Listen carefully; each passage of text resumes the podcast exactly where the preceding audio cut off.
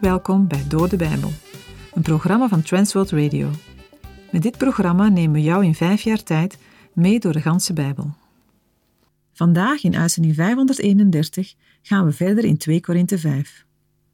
De vorige keer hebben we nagedacht over de rechterstoel van Christus. Ook gelovigen zullen daar op een dag mee te maken krijgen. Niet om nog veroordeeld te worden, dat is niet meer mogelijk. God heeft in zijn woord gezegd dat wie zijn vertrouwen op hem stelt, in eeuwigheid niet verloren zal gaan. En toch is er die rechterstoel. Daar moeten christenen verantwoording afleggen van wat ze gedaan hebben, zowel van goede als van verkeerde dingen. Voor elke christen is er redding door genade, de toegang tot de hemel. Dat is hetzelfde. Maar er is daarnaast ook onderscheid in beloning. Alles wat een gelovige doet voor de Heere, zal zijn waarde houden. Dat zal daar voor die rechterstoel bekendgemaakt worden. Wat wij hier op aarde doen, heeft invloed in de eeuwigheid. De Heere God heeft zoveel voor ons overgehad, nu is het ook onze beurt om met ons leven Hem toegewijd te zijn.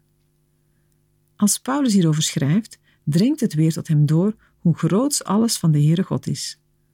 Hij beseft dat hij met een geweldig God te maken heeft. Om die reden wil hij er ook alles aan doen om andere mensen voor God te winnen. Als de grote liefde van God voor mensen meer en meer tot ons doordringt, kan het ook niet anders dan dat we het willen delen met andere mensen. En dat we met alles wat in ons is voor die God willen leven. Een christen leeft niet in de eerste plaats voor zichzelf, ook niet voor de naaste, maar allereerst voor Christus.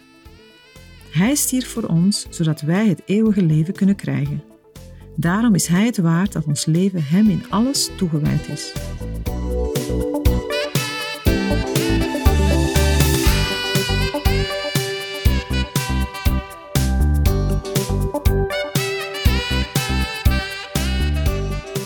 De vorige uitzending hebben we afgesloten met een verrassende mededeling van de apostel Paulus. Met al de kennis die hij in zijn opleiding als fariseer had meegekregen en wat hij uit het Oude Testament had geleerd, was hij vanuit zichzelf niet verder gekomen dan Christus alleen als een mens te zien.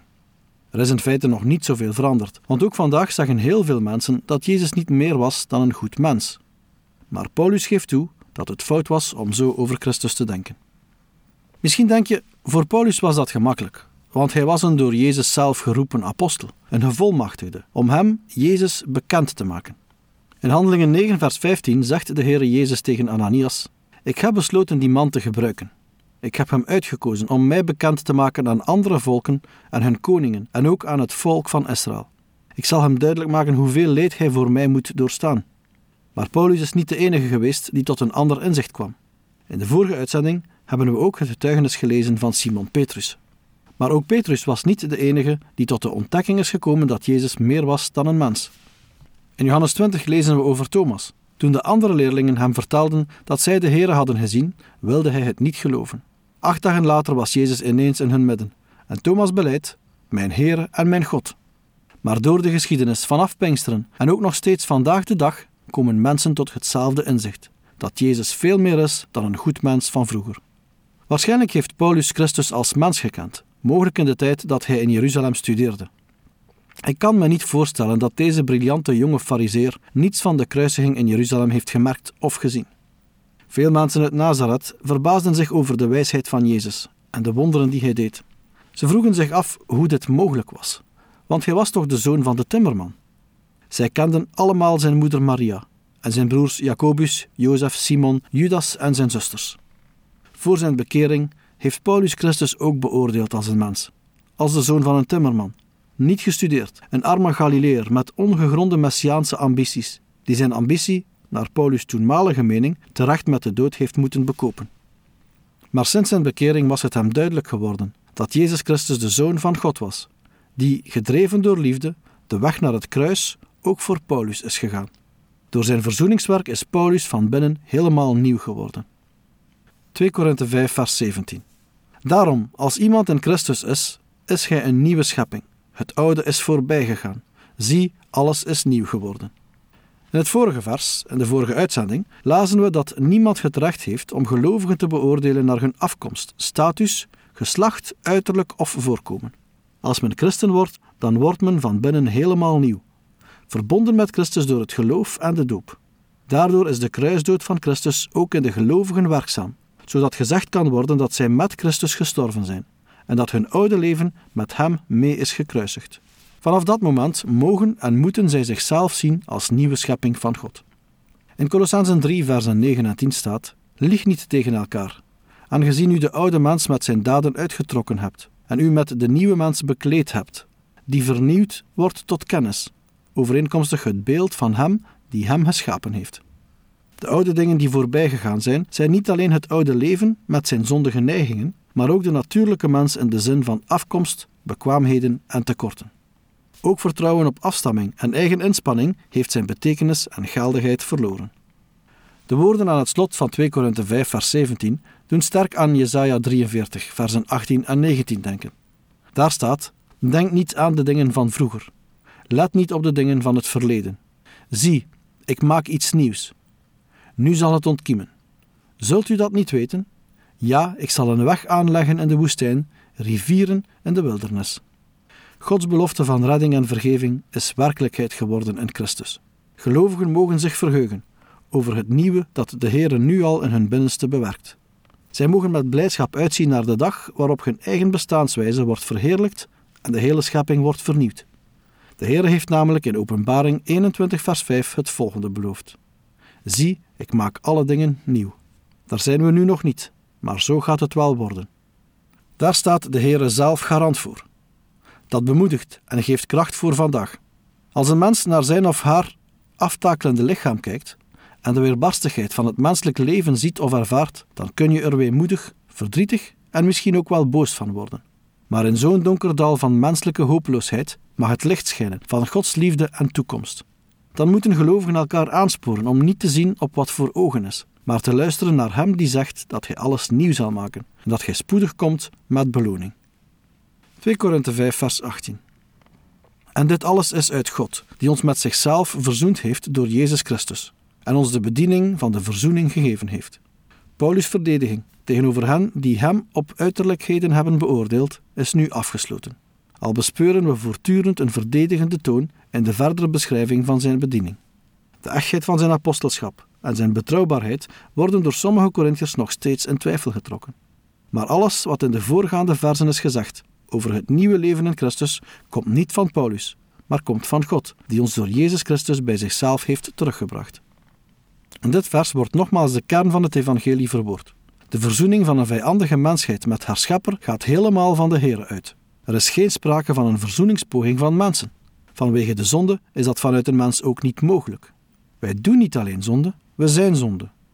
Dat wil zeggen, van nature zijn we geneigd God en onze naaste niet lief te hebben, om alleen met onszelf bezig te zijn. Een van de eerste medewerkers van de apostel Paulus is Titus. De apostel schrijft hem in een brief het volgende: Want ook wij waren voorheen onverstandig, ongehoorzaam, dwalend, verslaafd aan allerlei begeerten en hartstochten, levend in slechtheid en afgunst, hatelijk en elkaar hatend. Maar toen de goedertierenheid van God, onze zaligmaker, en zijn liefde tot de mensen verschenen is, maakte hij ons zalig. Niet op grond van de werken van rechtvaardigheid, die wij gedaan zouden hebben, maar vanwege zijn barmhartigheid, door het bad van de wedergeboorte en de vernieuwing door de Heilige Geest. Die heeft hij in rijke mate over ons uitgegoten, door Jezus Christus, onze zaligmaker, opdat wij, gerechtvaardigd door zijn genade, erfgenamen zouden worden, overeenkomstig de hoop van het eeuwige leven. Dit is een betrouwbaar woord, en ik wil dat u deze dingen sterk benadrukt opdat zij die in God geloven ervoor zouden zorgen dat zij anderen voorgaan in het doen van goede werken. Deze dingen zijn goed en nuttig voor de mensen. 2 Korinthe 5 vers 19 God was het namelijk die in Christus de wereld met zichzelf verzoende en aan hen hun overtredingen niet toerekende. En hij heeft het woord van de verzoening in ons gelegd. De Heere verzoende de wereld met zichzelf door toedoen van Jezus Christus. Hij, de Vader, zond zijn eigen zoon en gaf hem over om te sterven aan het kruis in de plaats van de zondige mensheid. Op deze manier is de verzoening een aangelegenheid tussen de Vader en de Zoon. De prijs en de pijn van de verzoening is door God zelf betaald en de verzoening gaat om alle gelovigen. Niet alleen werden zij met God verzoend, maar de Heere gaf hen ook de bediening van de verzoening. Dat wil zeggen, wij mogen dit geweldige nieuws aan iedereen vertellen. Verder blijkt uit Paulus' woorden Gods directe betrokkenheid en eenheid met Christus. zoals dat door de Heer Jezus zelf werd uitgedrukt in het hoge priesterlijke gebed. In Johannes 17, vers 21 zegt hij: En ik bid voor hen die in mij zullen geloven, opdat zij allen één zullen zijn, zoals u, Vader, in mij en ik in u, dat ook zij in ons één zullen zijn, opdat de wereld zal geloven dat u mij gezonden hebt. De Heere wil iedereen, dat is de hele wereld, met zichzelf verzoenen. En zijn verzoeningsplan betreft de hele mensheid. Niemand wordt bij voorbaat uitgesloten.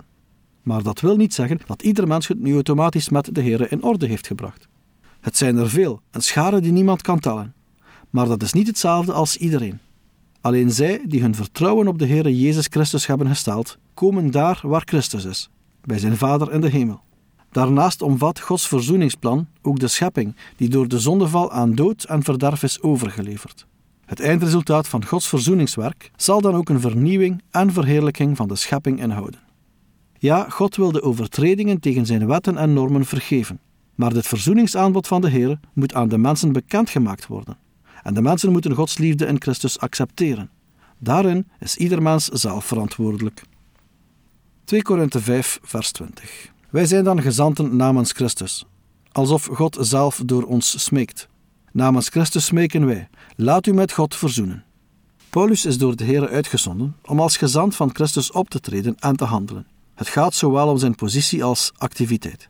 Een gezant geeft geen eigen woorden door, maar de boodschap van zijn zender. Aan de christenen in Thessalonica beschrijft Paulus het als volgt. Daarom danken ook wij God zonder ophouden dat u, toen u van ons het gepredikte woord van God hebt ontvangen, het ook aangenomen hebt, niet als een mensenwoord, maar zoals het werkelijk is, als Gods woord, dat ook werkzaam is in u die gelooft. De woorden laat u met God verzoenen staan in de gebiedende wijs. Het gaat dan ook niet om een proces, maar om een beslissing die genomen moet worden op het moment dat de oproep klinkt. Het woordje laat is bovendien passief. Dat wil zeggen, het gaat er niet om dat de mens zich met God moet verzoenen. Nee, de mens moet verzoend worden. Hij of zij moet de al plaatsgevonden verzoening aanvaarden en het verzet tegen deze verzoening stoppen.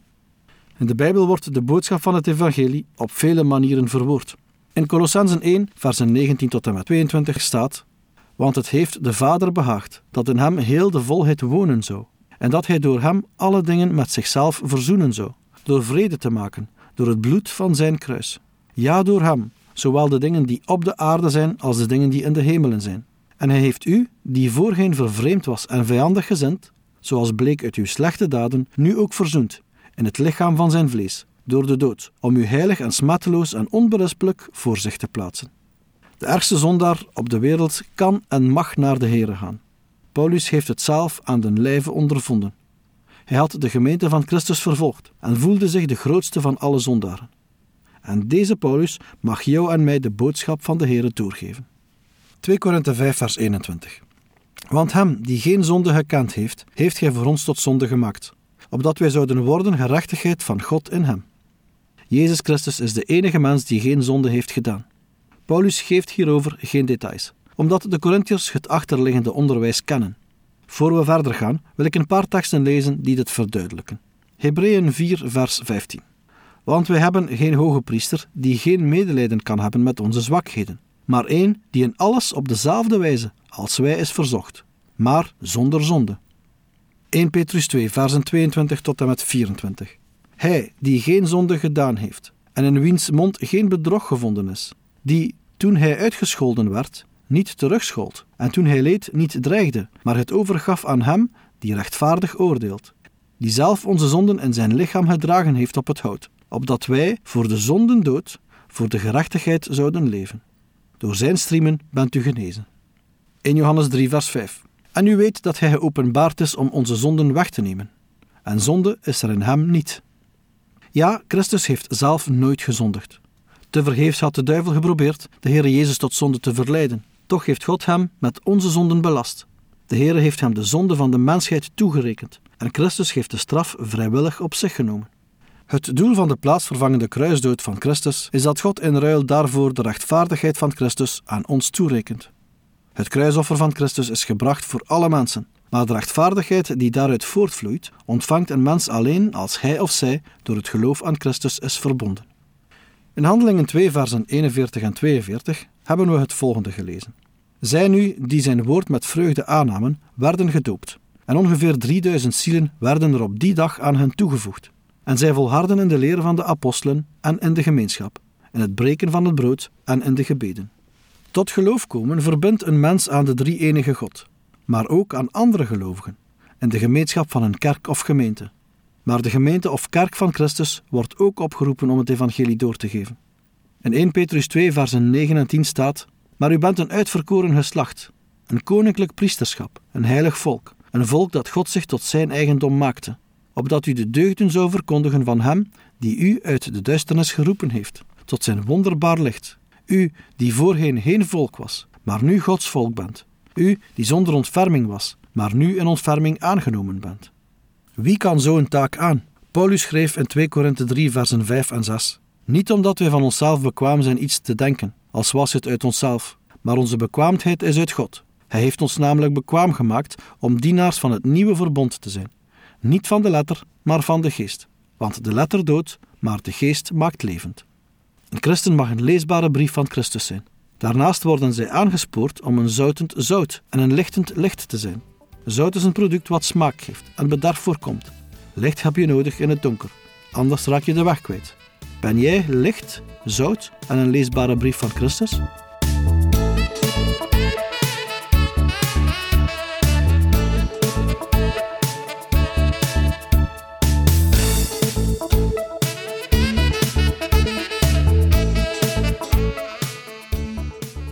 Heeft geluisterd naar Door de Bijbel, een programma waarin we in vijf jaar tijd de ganse Bijbel bespreken. De basis voor het programma is de Bijbelstudiereeks van Dr. Vernon McGee, Through the Bible. Deze werd in het Vlaams vertaald en bewerkt door Transworld Radio. U kan elke werkdag naar een nieuwe uitzending luisteren en u kan ook steeds voorbije uitzendingen opnieuw beluisteren of downloaden. Als u wilt reageren op deze uitzending of u heeft vragen, dan kunt u uiteraard contact met ons opnemen. U kan een e-mail sturen naar doordebijbel.twr.be. Verder kan u op onze site terecht, www.twr.be, voor meer info en het beluisteren van onze overige programma's. Dit programma werd gepresenteerd door Patrick Couchement en Anne Notenboom. Wij danken u voor het luisteren en graag tot een volgende keer.